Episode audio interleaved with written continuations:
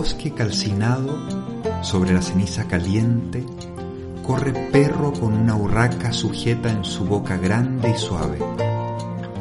La lleva hasta su cueva cerca del río y allí trata de curar su ala chamuscada. Pero Urraca no quiere su ayuda. Nunca más podré volar, susurra. Lo sé, dice Perro.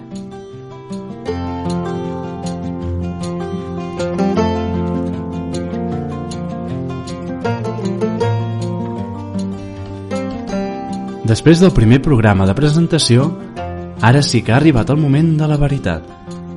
El moment de començar aquest il·lusionant projecte d'una vegada per totes. Així doncs, amb eufòria continguda, tornem a dir allò de Benvingudes i benvinguts a Tàndem, un podcast sobre literatura infantil, juvenil i mediació literària.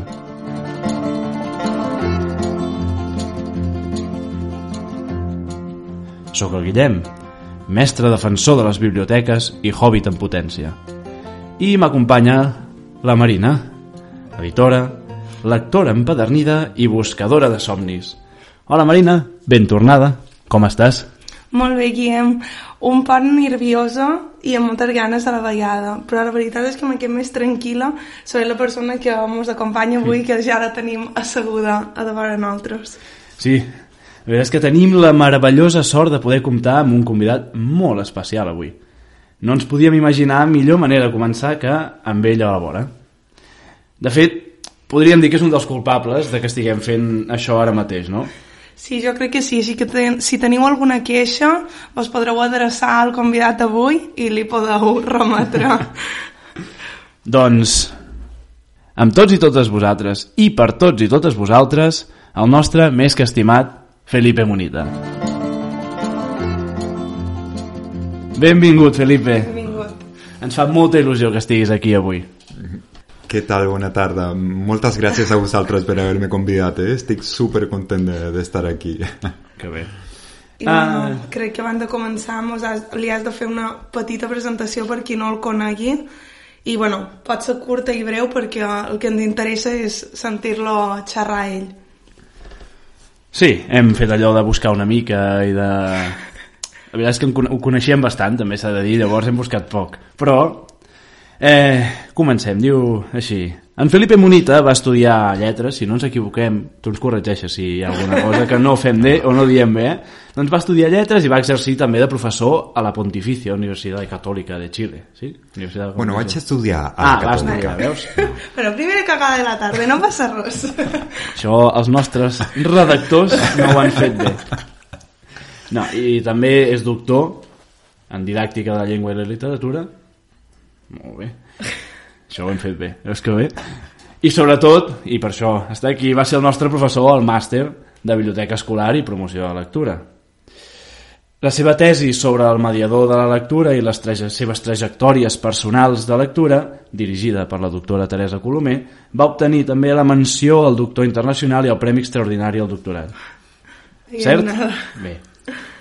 Eh, les seves línies d'interès giren al voltant de la mediació de la lectura, de l'educació literària i també de la poesia pels infants. I segur que ens deixem moltes coses, però d'entrada... D'entrada això ja, ja ens. Bueno, és que si, per, si tot això no fos prou impressionant, és és l'autor del llibre Diez pájaros y mi ventana, il·lustrat per la Raquel Echenique, editat per Ecare.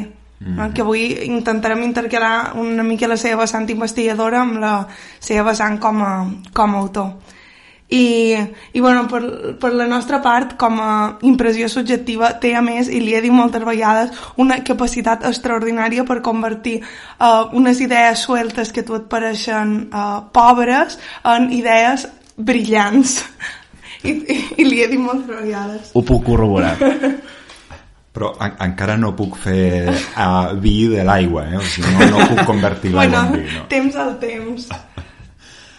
I, i bueno, no sé, jo li volia començar preguntant que um, dins tot el que és um, aquest món hi ha com um, moltíssims conceptes de si promoció de la lectura, si mediació de la lectura, si animació a la lectura.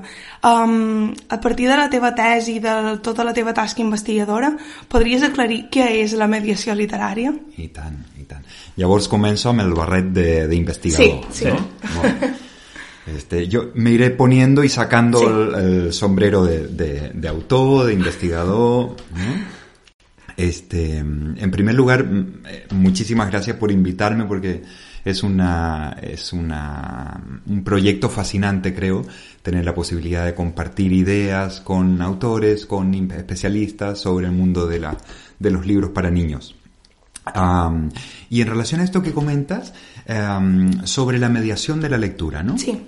A mí me parece que eh, se habla mucho de la idea del mediador de lectura, ¿no? Y, y de un tiempo a esta parte, mm, habemos muchas personas que somos mediadores, desde profesores, maestras, bibliotecarios, le- libre- li- libreros, ¿no? Y es interesante preguntarse qué comparten todas esas personas. De entrada comparten, bueno, una, un mismo trabajo de, de poner sus esfuerzos diarios en, en el acceso a la cultura escrita por parte de muchos niños y jóvenes, ¿no? Pero claro, cada uno lo hace desde un ámbito muy, muy particular, ¿no? No hace lo mismo un, un, un librete que una, que una maestra o que un mestre, ¿no? Ah, entonces, yo diría que hay, para mí hay dos, dos ideas importantes en relación con la mediación. La primera es que si uno mira a para qué se utiliza el concepto mediación en los más diversos campos, siempre remite a una idea un poco de conflicto, ¿no? Por ejemplo, yo qué sé, Noruega medió entre las FARC y el gobierno colombiano, ¿no? O yo qué sé, justo antes de divorciarse, ah, un matrimonio fue a ver al mediador antes de llegar al juez, ¿no? Entonces, realmente siempre remite a una cierta situación de conflicto. Y, en- y nos va bien en el ámbito de la lectura también, dado que para muchos niños y jóvenes esa práctica de la lectura no es, mm, no ha sido parte de su día a día, no es una práctica natural, ¿no? En el día a día de su, de su entorno familiar, social. Por lo tanto, ahí me parece que hay una primera idea interesante, es decir, mediadores somos quienes desde los más diversos ámbitos am, ayudamos a otros, niños y jóvenes, pero también a veces adultos, a, a- participar en una práctica cultural que tal vez les queda un poco más lejos por sí solos, ¿no? Entonces, ahí hay una primera idea que a mí me parece importante. Y una segunda idea ah, que ya tiene una, mm, eh, digamos, una raíz más pedagógica, más educativa, es, eh, y aquí nos vamos a Vygotsky, ¿no? Para quienes eh, estén escuchando y, y sepan un poco del mundo de la educación, Vygotsky, bueno, un, psicólogo ruso que, que planteó am, la zona de desarrollo próximo, planteó varias, varios conceptos importantes para el ámbito educativo y, y en la idea de zona de desarrollo próximo queda muy, muy en evidencia, digamos, la idea de, una, de un mediador que ayuda en el proceso del niño a, a- hacer algo, ayuda al niño a hacer algo que tal vez no puede hacer por sí solo en un momento determinado. ¿no? Entonces, por ejemplo, si lo llevamos al ámbito de la lectura, ah, yo qué sé, un profesor que ah, tenías un libro entre manos que no, no te acababa de... mm, no podías entrar al libro, lo encontrabas extraño, te, te, mm, ah, te parecía complejo y que a veces, que pasa muchas veces, que un mediador, un profesor, quien sea, te ayuda a ver en ese libro algo que tú por, por ti misma no estabas viendo, ¿no? Entonces, realmente ahí hay como dos ideas que a mí me parecen interesantes que aporta la idea de mediación a todos quienes trabajamos realmente en el mundo de los libros y la lectura, ¿no? Total. Et sembla aquesta resposta? Molt bé. No sé si tu li vols preguntar alguna cosa més a partir d'aquesta o... Sí, clar, és el Però tema... tota la raó. Mm. Tema de la mediació, dels professors, dels mestres, de, de tot això, clar, fins a quin punt és important aquest terme de la mediació? O sigui, fins a quin punt és important que existeixi la figura del mediador de la lectura, no? Eh, Jo a vegades m'ho plantejo i és, realment Mm. jo dic la resposta, eh? perquè jo me la faig a mi mateix, però realment és important la figura del mediador? Però suposo que hi ha d'haver, com tu has dit, aquesta relació de conflicte que no es doni aquesta relació cas entre el llibre i el lector de manera natural, sinó no caldria un, un mediador, no? Claro, pensémoslo así. Piensa, Guillem, Marina, en tu propia vida como lectora y como lector, ¿no? Anda a los mm, años de infancia, de juventud, probablemente están llenos de mediaciones. Es decir, si es que uno pone, si es que uno se pone a pensar en su propia vida como lector y en, y en cómo se formó como lectora o como lector, ah, hubo muchas personas que incidieron en ese camino. ¿no? Es decir, ah, los lectores no se forman mm, con una montaña de libros ahí y, y, y pro, ¿no? sino que necesitan también una serie de experiencias, de condiciones para acceder a ese mundo de los libros, ¿no? Y esas condiciones a menudo pasan por una por vivencias, es decir, por por un yo diría que por un ámbito muy experiencial, ¿no? Probablemente todos nos, nos, nos acordamos de de la maestra que, que nos leía a los primeros cuentos ilustrados que, que, que, ¿no? que tenemos en el corazón todavía, ¿no? O aquel profesor, yo nunca voy a olvidar un profesor de secundaria que tuve, que terminaba las clases leyendo, paseaba por toda el aula, y era un profe de historia, ¿eh? ni siquiera era de, lengua, paseaba por toda el aula leyéndonos poesía chilena. ¿no? buenos poetas contemporáneos que yo en mi vida había escuchado, y él paseaba mano en bolsillo, le dedicaba 5 o 10 minutos, le daba igual, ¿no? Y, el silencio que había ahí. Entonces, ¿a qué voy con todo esto? A que un buen lector siempre se forma digamos, al voltán de personas, ¿no? O sea, eh, sí, eh, a, a, través de personas que le han mostrado que estas páginas que hay aquí valen la pena ser leídas, ¿no?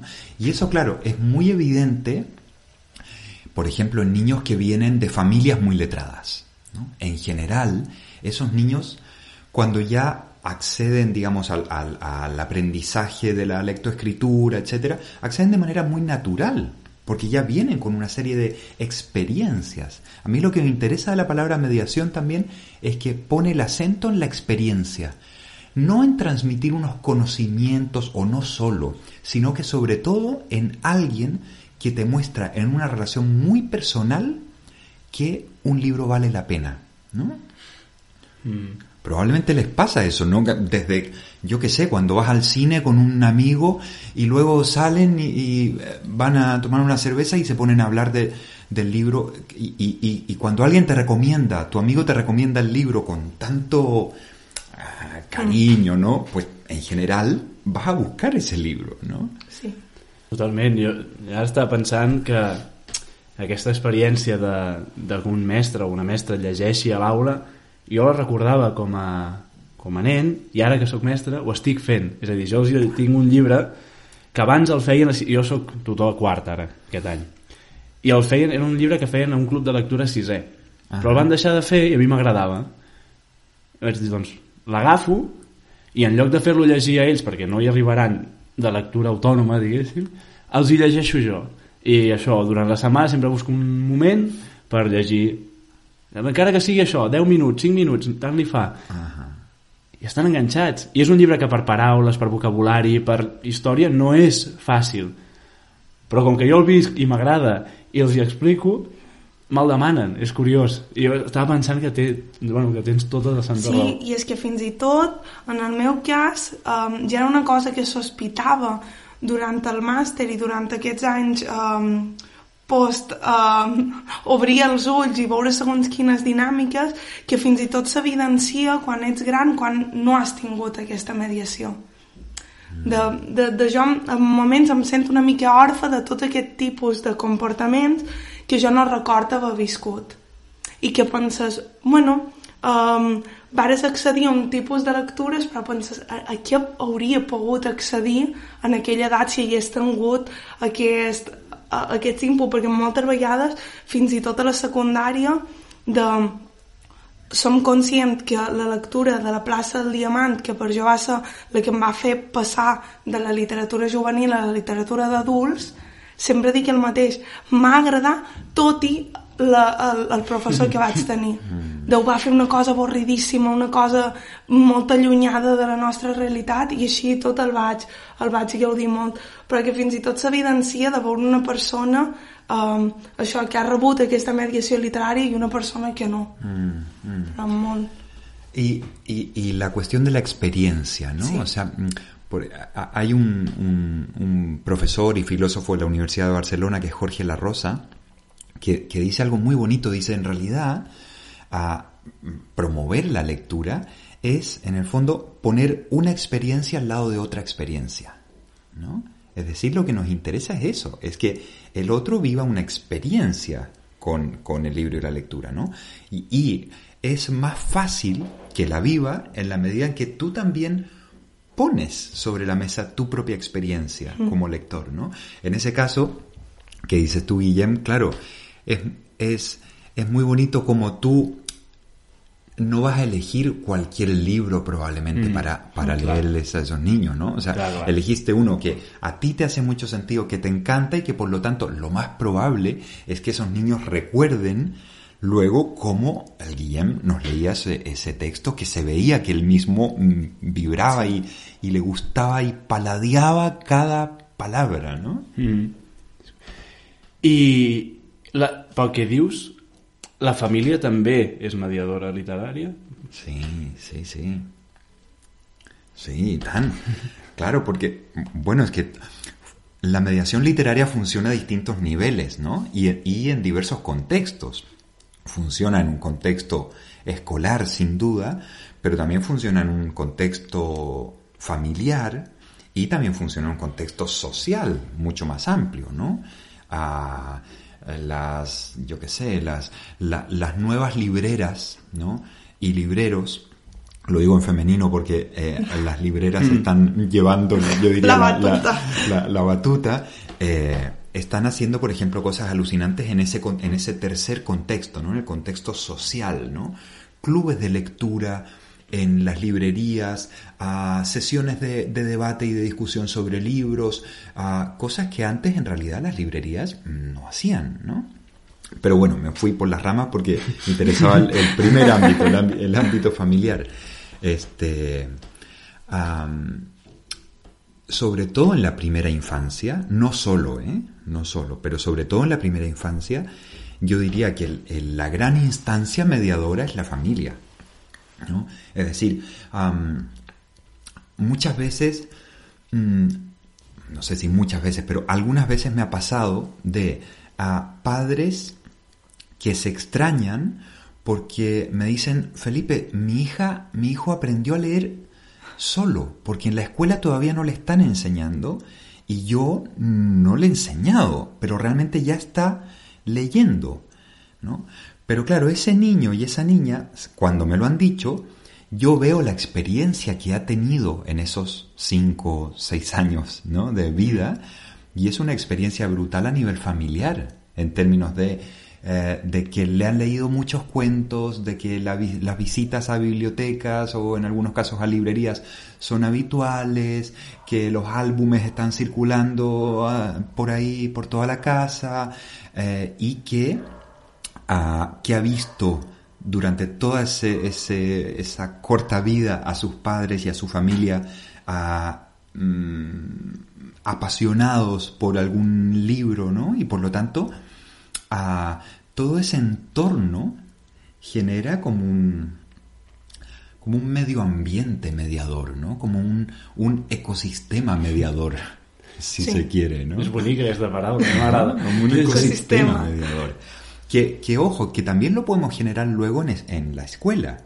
Y de hecho, por ejemplo, aquí en Barcelona yo conozco varias escuelas que, que trabajan así, generando ecosistemas de mediación. Es decir, que no es solo el esfuerzo de una maestra, de un maestro, sino que hay unos objetivos comunes, unas, unas líneas de actuación comunes para que la, la escuela sea realmente un, un, andar entre libros, como dice Teresa Colomer, ¿no? Sí. Pero es evidente que el, el primer ecosistema de mediación es, eh, es la, la familia y, y concretamente en la primera infancia. Sí. Sí. ¿No, ¿No se acuerdan ustedes de, de, la- de algunas lecturas que, que les hacían en, en familia? Yo todavía me acuerdo cuando mi padre me inventaba cada historia una noche, o sea, cada noche una historia antes de ir a dormir, ¿no?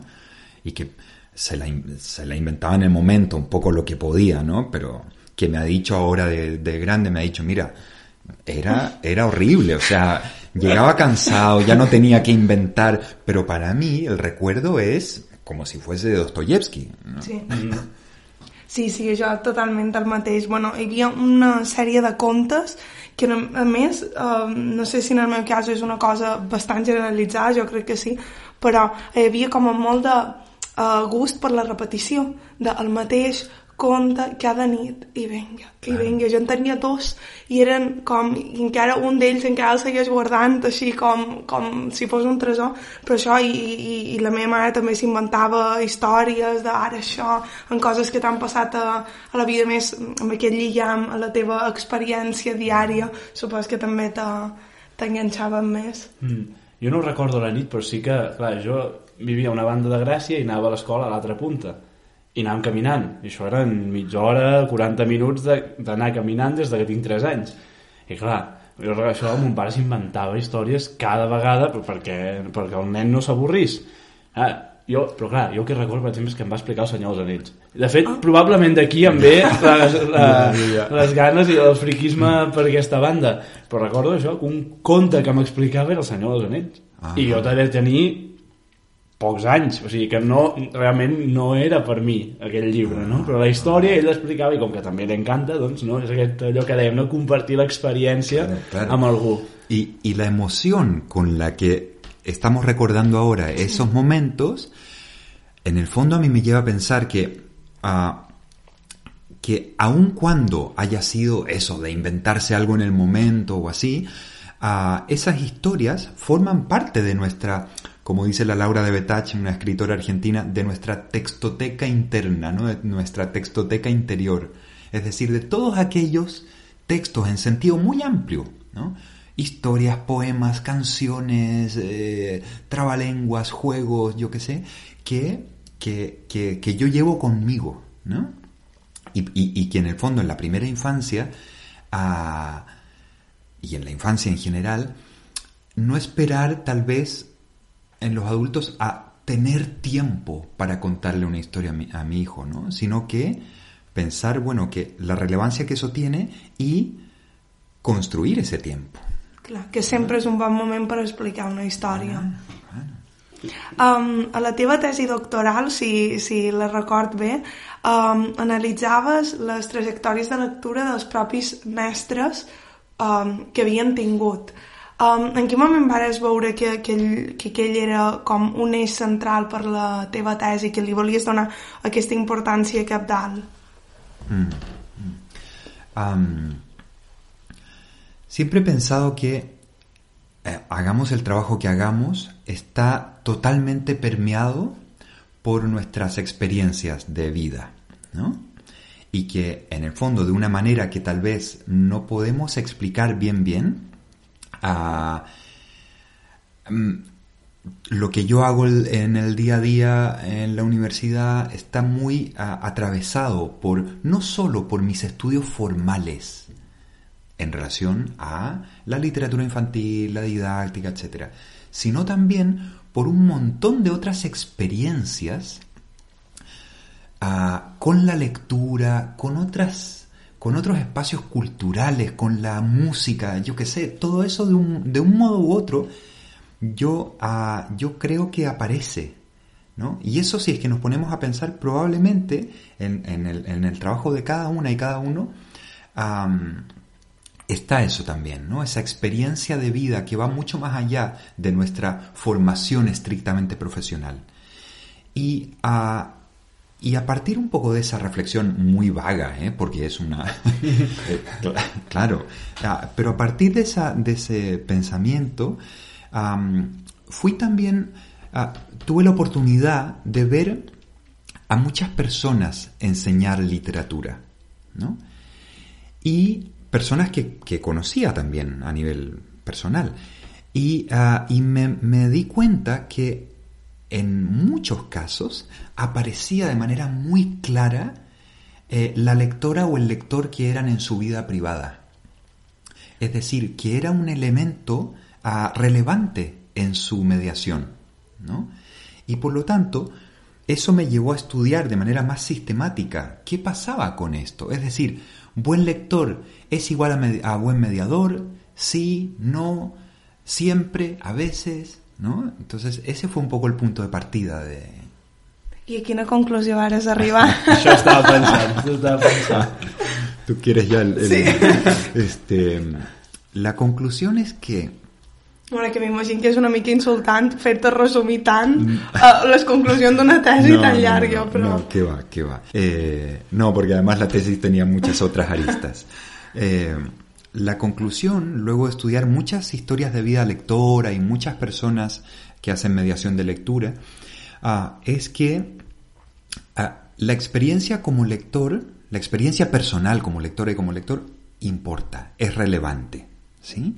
Lo que no quiere decir que eso se transforme en una ecuación matemática. Buen lector es igual a buen mediador. Porque por suerte, en las áreas de letras no necesitamos ecuaciones, no nos vienen bien las ecuaciones matemáticas y nunca nada funciona así como una ecuación, ¿no? Porque, ah, te voy a poner un ejemplo. Estudié una escuela en la cual, mm, bueno, seguí las, las trayectorias de docencia, pero también la experiencia personal, me, me contaron la experiencia personal como lectoras de varias maestras. Y es una escuela que ah, tiene la promoción de la lectura como algo muy arraigado dentro de su proyecto educativo. ¿Cuál era la tendencia en esa escuela?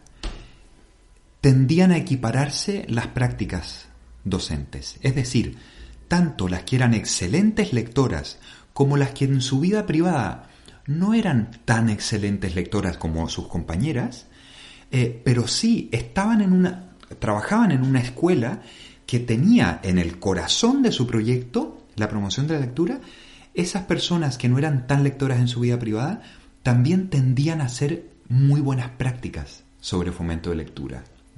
Entonces, al final también ah, hay una serie de factores que inciden, que son, claro, unos son factores personales, otros son factores de la formación docente, evidentemente. Ah, y otros son factores, yo diría, contextuales, ¿no?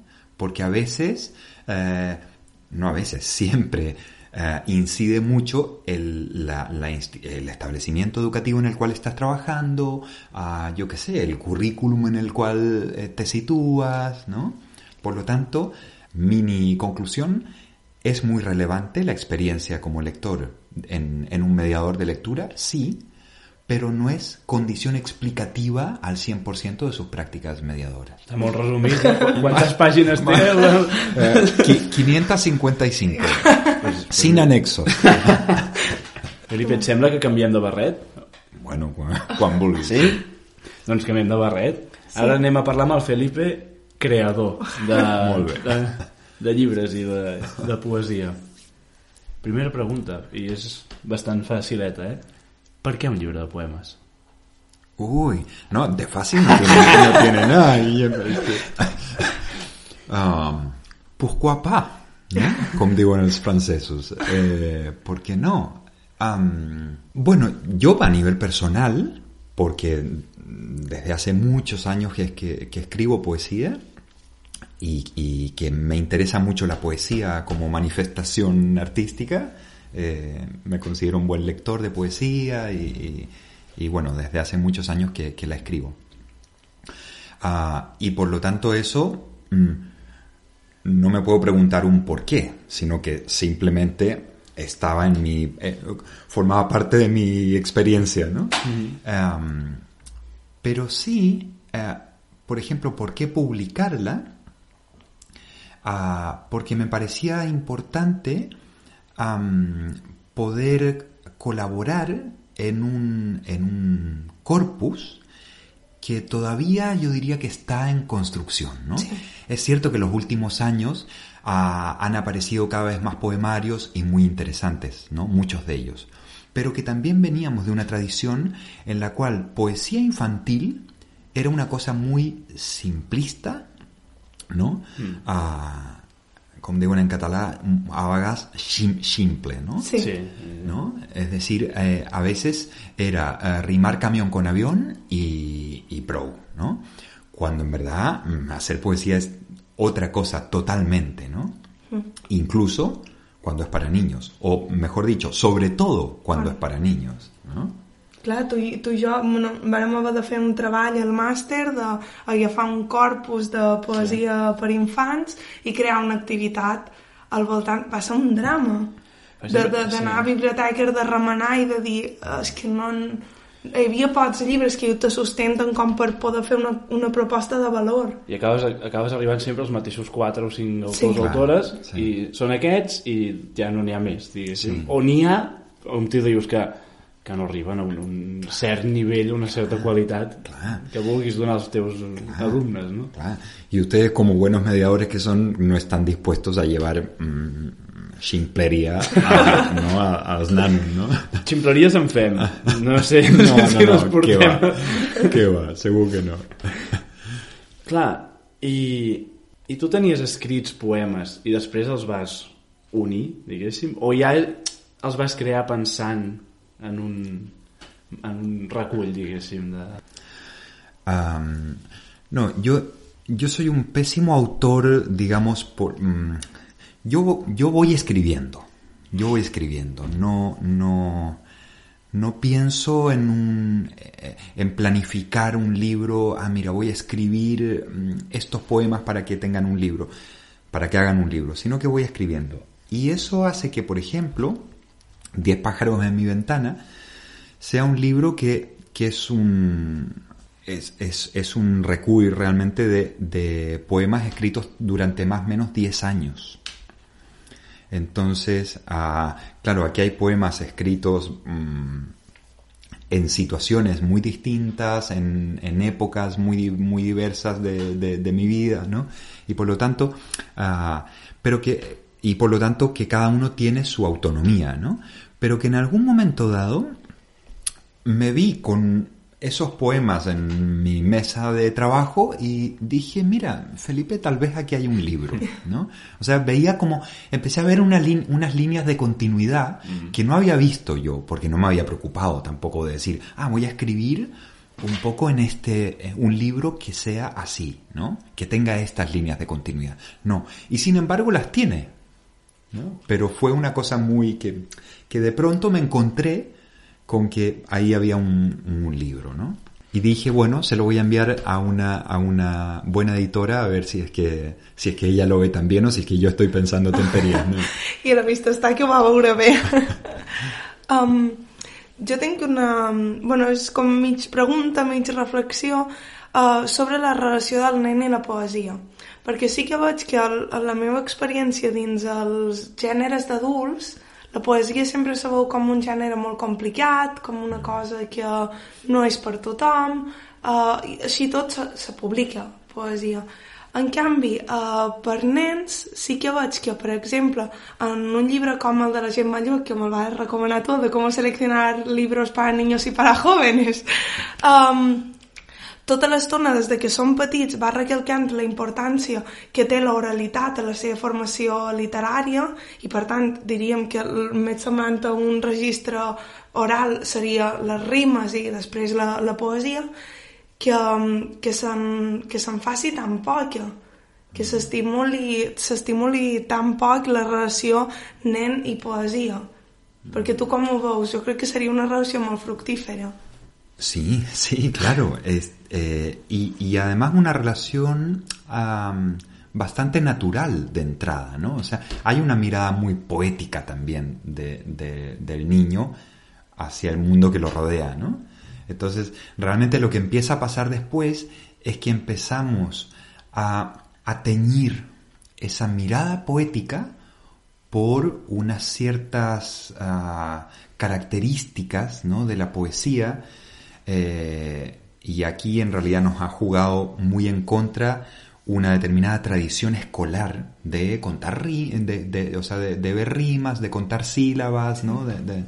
Cuando en realidad la, la poesía es otra cosa, ¿no? Es, entonces, yo creo que hay que volver a, la, a la idea de la poesía como una, como una manera de mirar, ¿no? como una manera de, de, estar en el mundo ¿no? y, de, y, de, y de mirar aquello que me pasa. ¿no?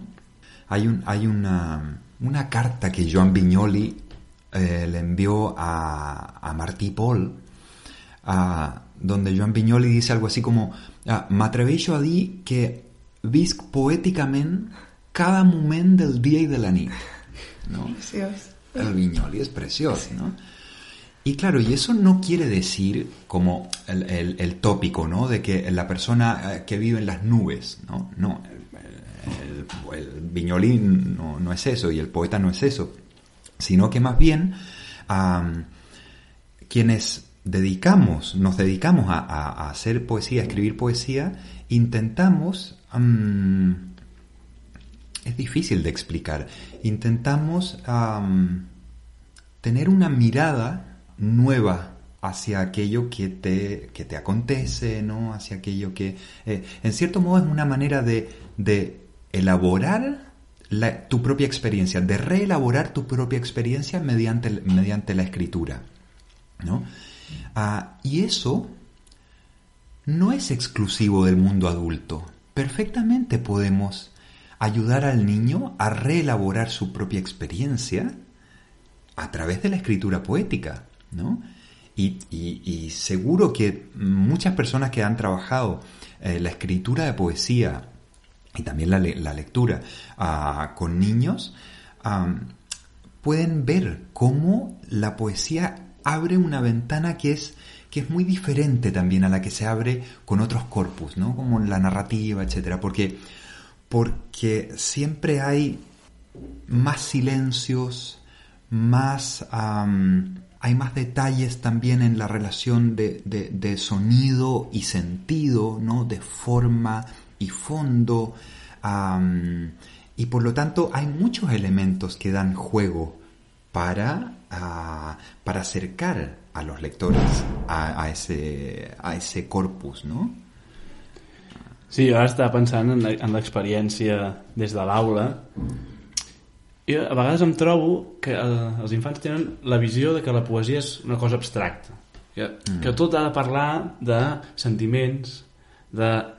llavors hi ha alumnes que directament no s'atreveixen a entrar-hi perquè diu, és que jo no ho sé a parlar d'això mm. o jo no sé com explicar-ho això és a dir que es pot treballar perquè un cop comences a, a, a fer una mirada no és explicar el que et passa o el que veus diferent, no, no vol dir que no sigui però tot això és un procés llarg no és, no és tan sí. tan fàcil la rima és molt ràpida d'entendre sí, sí. és a dir, és molt fàcil d'enganxar per, suposo que per aquí anava la tradició comptar també és fàcil mm. explicar com explicar una cosa sense explicar aquella cosa o explicar-lo d'una manera diferent que això ja no és tan fàcil de, de fer arribar mm. no? i per aquí mm. també hi ha una dificultat que no vol dir que ho sigui en el sentit que es pot treballar i que realment jo estic content de com està anant però mm. sí que és una cosa que t'has de pensar a l'hora sí, de, de presentar-ho sí. sí, y ahí yo creo que nos puede ayudar también la, la nueva poesía para niños que mucha de ella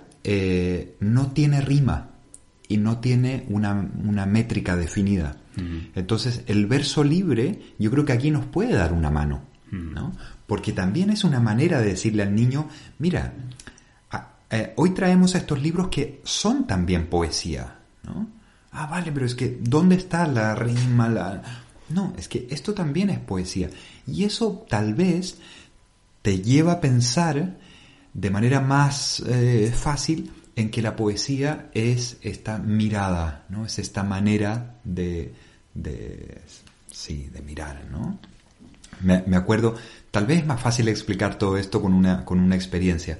Me acuerdo mmm, eh, trabajando en una escuela en el sur de Chile, uh, había un grupo de mmm, quinto, sexto de primaria que tenía muy en la cabeza la idea de que poesía era rimar, ¿no? Sea lo que sea. Yo siempre digo camión con avión. Uh, y precisamente queríamos quebrar eso. Por lo tanto, uh, ideamos todo un dispositivo didáctico para trabajar la idea de que la poesía es ante todo una manera de, de, mirar. ¿no? Ah, y a partir de ese dispositivo, mm, luego salimos un día afuera y justo en las montañas había mm, unos, unas nubes, ¿no? Y ah, una de las niñas entonces escribió un poema en prosa, ¿eh? en, en verso libre, ah, sobre cómo esas nubes estaban haciendo una ronda, un, eh, Una rotllana, una... sí, una, sí, un corro, ¿no? Estaban haciendo una ronda alrededor de las montañas, ¿no? Porque además justo había unos niños más pequeños por allá, eh, al lado, eh, los de P3, P4, haciendo una ronda con su maestra, ¿no? Y esta niña de quinto, a- en el fondo vinculó la experiencia que estaba viendo de los niños haciendo la ronda con su maestra con lo que ella estaba viendo en la montaña y hizo una metáfora preciosa, ¿no? Que las nubes en el fondo son, son niños que están también jugando con las montañas, ¿no? Bueno, però és un bon exercici de fer perquè al final és no, no fer aquest reduccionisme al gènere de que si no se compleixen certs elements no es poesia perquè si no ara me posaré en ridícul aquí davant tota l'audiència. Però ens vam fer, fer un exercici a primària que era això, haver d'escriure una poesia. I com estàvem tan obsessionats en que fer poesia era rimar i no una altra visió pel món um, jo mai carregar la meva futura um, carrera com a poeta i vaig composar um, les verdures són fees i asqueroses però algunes són sabroses perquè per això era com da igual, da igual el que digui està rimant, el poema està bé Bueno, I encara té algun mínim de sentit, no? De que, Sí. encara encara n'hi ha de pitjor, sí. en aquest sentit de buscar la rima per buscar-la, que no té cap mena de... Adiós con cabida. Encara, exacte, una mica això. Entonces, claro, realmente si tú piensas el oficio de, de, de, de personas que trabajan la rima, la métrica, es muy complejo. ¿No? Entonces, si, si, si queremos trasladar eso tal cual a la, a, a- a la infancia, a las escuelas, mmm, no es malamente, ¿no? Porque, porque en el fondo les estamos pidiendo un ejercicio que es de una síntesis ah, brutal. No? I no, I no pot ser, ara estic aquí pensant, clar, si hem parlat de que en el, en el món adult no és un gènere que es llegeixi especialment, en quant a nombre, en, per tant, els mestres, com a forma part del món adult, per dir-ho així, tampoc deuen llegir-ne molt, clar, després fer aquest traspàs a que els alumnes puguin llegir-ho, no que dèiem de l'experiència, si no hi ha una experiència, potser no és la- l'equació, no? però si falta l'experiència teva en relació amb la poesia, després per traslladar-ho als alumnes potser també és una dificultat que, que ens trobem. O no? Sí, sí. Sí, porque sí, me, me, me hace pensar en, en unas en unas conferencias que dio Borges, Ujú. creo que en la Universidad de Harvard o una de estas, ¿no? En los años 60 habrá sido eso, no sé. Ah, pero bueno, están publicadas por ahí. Y, y Borges en un momento dice en esas conferencias, mm, "Sa- sabemos muy bien lo que es la poesía, ¿no? Pero a la hora de explicarlo, lo tenemos mucho más difícil, ¿no? Y porque tal vez no, no cal explicarlo, ¿no? Ah, dice, así como tampoco tenemos que explicar el color azul, pero sabemos muy bien qué es el color azul, ¿no? Y yo pensaba, claro, eso ah, sucede efectivamente en personas que leen mucha po- que leen poesía, que están acostumbrados a leer poesía, ¿no? Saben muy bien lo que es la poesía, ¿no? Pero son, como yo, ahora, más torpes a la hora de explicarlo, ¿no? De, de explicar qué es la poesía. Ah, y en cambio, una persona que no está habituada a leer poesía, ah, tiende a, a- a estar mucho más insegura de, ah, pero entonces poesía, esto es poesía, esto no, ¿no? Quienes somos lectores habituales de poesía no nos preguntamos si el último libro de María José Ferrada es o no poesía, ¿no? En cambio, muchas, eh, muchos alumnos y alumnas mías eh, me preguntan, ah, pero esto no es poesía, ¿no? Porque no está en verso, ¿no? Eh, ¿Entiendes lo, lo que, lo, que, lo que quiero decir? Entonces, Ah, es cierto que es mucho más difícil, es un corpus al cual es mucho más difícil entrar como mediador si es que no has tenido la experiencia como lector de poesía, eso es cierto.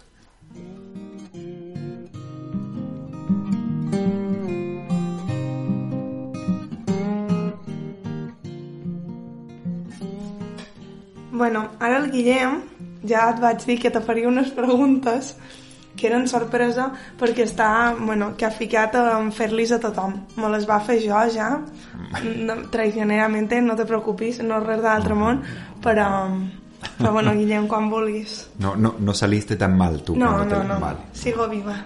Et pots negar a respondre Sí, clar, si creus que no ha de ser una cosa bona per tu. Primera, digues un personatge de la literatura infantil i juvenil que et caigui realment malament. Malamente. Mm, el, el hombrecito enojón este que está en el, en el libro más genial que he leído, de Christian Bolz. No, no ho conec, No, aquest. ah, ah, No, no, con ello no, un- increíble, ¿no? Ah, y que, bueno, realmente va, va, va en todo momento haciendo que la historia mm, mm, se detenga, ¿no? Porque es un libro muy metaficcional, entonces dice, ah, yo qué sé, mm, el narrador dice, bueno, y esta es una historia de, de, de, de, de una niña que no sé qué, que era de pirata, y él dice, ah, qué bueno, piratas, me encanta, pero después dice, ah, no, pero es que eso no puede ser, señor narrador, ¿no? No, pero es que en las historias de piratas eso no va así, ¿no? Entonces, realmente en el mundo de ficción, claro, eh, cae mal porque porque está jugando el papel, ¿no? Claro. Entonces, bueno, yo lo traslado y es el primero que se me viene a la cabeza. En realidad, ahora que lo explico, no me cae tan mal, porque, porque juega un papel, un papel súper importante en, en la, en la historia. Pero al menos ha servido para recomendar el libro Exacto, este, sí. a ustedes dos y a, y a quien esté escuchando. De fet, una mica són per aquestes preguntes i és això. Una altra és, si haguessis d'oblidar un llibre per poder-lo tornar a llegir com si fos la primera vegada, o sigui, oblidar-lo i tornar-lo la primera vegada, quin triaries? Qué difícil. Probablemente serían ah, sería la lectura de un libro que se llama Contra la muerte del poeta chileno Gonzalo Rojas, que fue uno de los primeros libros que me caló profundamente ah, en mi vida como, como lector. Y me encantaría vol- volver a la experiencia de leer Contra la muerte por primera vez, porque luego lo he leído en los 20 años que, o veintitantos que han seguido esa primera experiencia, muchísimas veces. Pero el primer encuentro que tuve con ese libro fue, mm, fue mayor. I última. Atenció, perquè és la, la important. Diu així, diu, acaba la frase. Venga. Qui llegeix Ah, Així ens vam quedar nosaltres el primer cop que vam haver de Clar, i, respondre. te, i tens l'opció de rimar o no. Pot tenir rima o no. bueno, en català ho tinc més difícil, eh? perquè anar rimant... Eh, mm, intenta comprenderse mejor. Acceptada. Està molt bé. Jo mai diré que no, que Clar, no, no està, que que està no. malament una No hi ha resposta. resposta errònia. I abans de que vagi m'agradaria demanar-te, Felipe, si ens llegiries un, un poema de Diez pájaros en mi ventana, aquí per, per acabar. Claro, claro. Am, ¿Alguno en especial? No, que O- vulguis.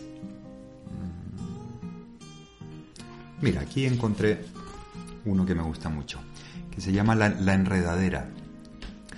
Y... mm, Bueno, lo leo primero y luego comento algo. Vale. Tiene un epígrafe de Thomas Transtromer que dice, fantástico sentir cómo el poema crece. Y el poema La Enredadera dice así, como una enredadera creció este poema. No supe qué camino seguiría, si el tejado hacia la casa del vecino o la ruta hasta la pieza de la abuela. Tampoco supe nunca por qué salió justo aquí, sin que yo plantara una semilla. Y bueno, es, un caligrama, es decir, va, dibuja va dibujando la enredadera de la que habla. Y me gusta mucho porque en cierto modo sintetiza algo que, que- que yo busco con la, al hacer poesía para niños y, y no tanto, ¿no? Y no tan niños. Eh, y es ah, llegar a una, a, a una manera sencilla de decir, ah, de hablar de experiencias que, para, que al menos para mí son muy profundas. ¿no?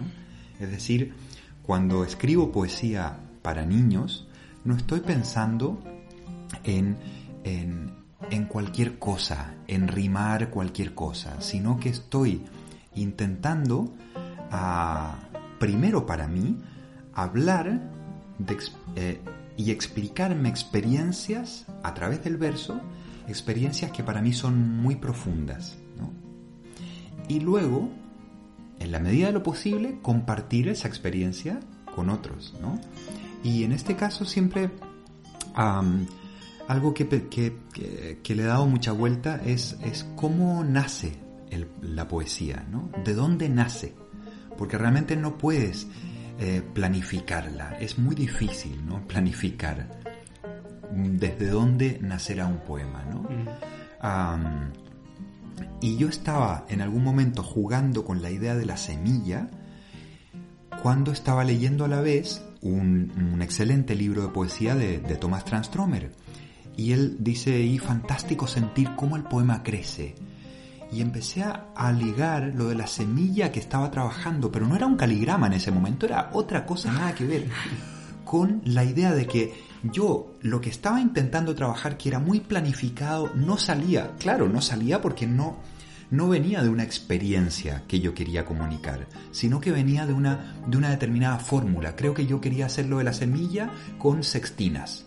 Claro, pero eso era una basura porque no, no venía de una experiencia. Hasta que leí lo de Thomas Transtromer y pensé, ah, mira, el poema crece también desde, desde una semilla que ni siquiera sabes que plantas, ¿no? Y pues bueno, por ahí fue saliendo.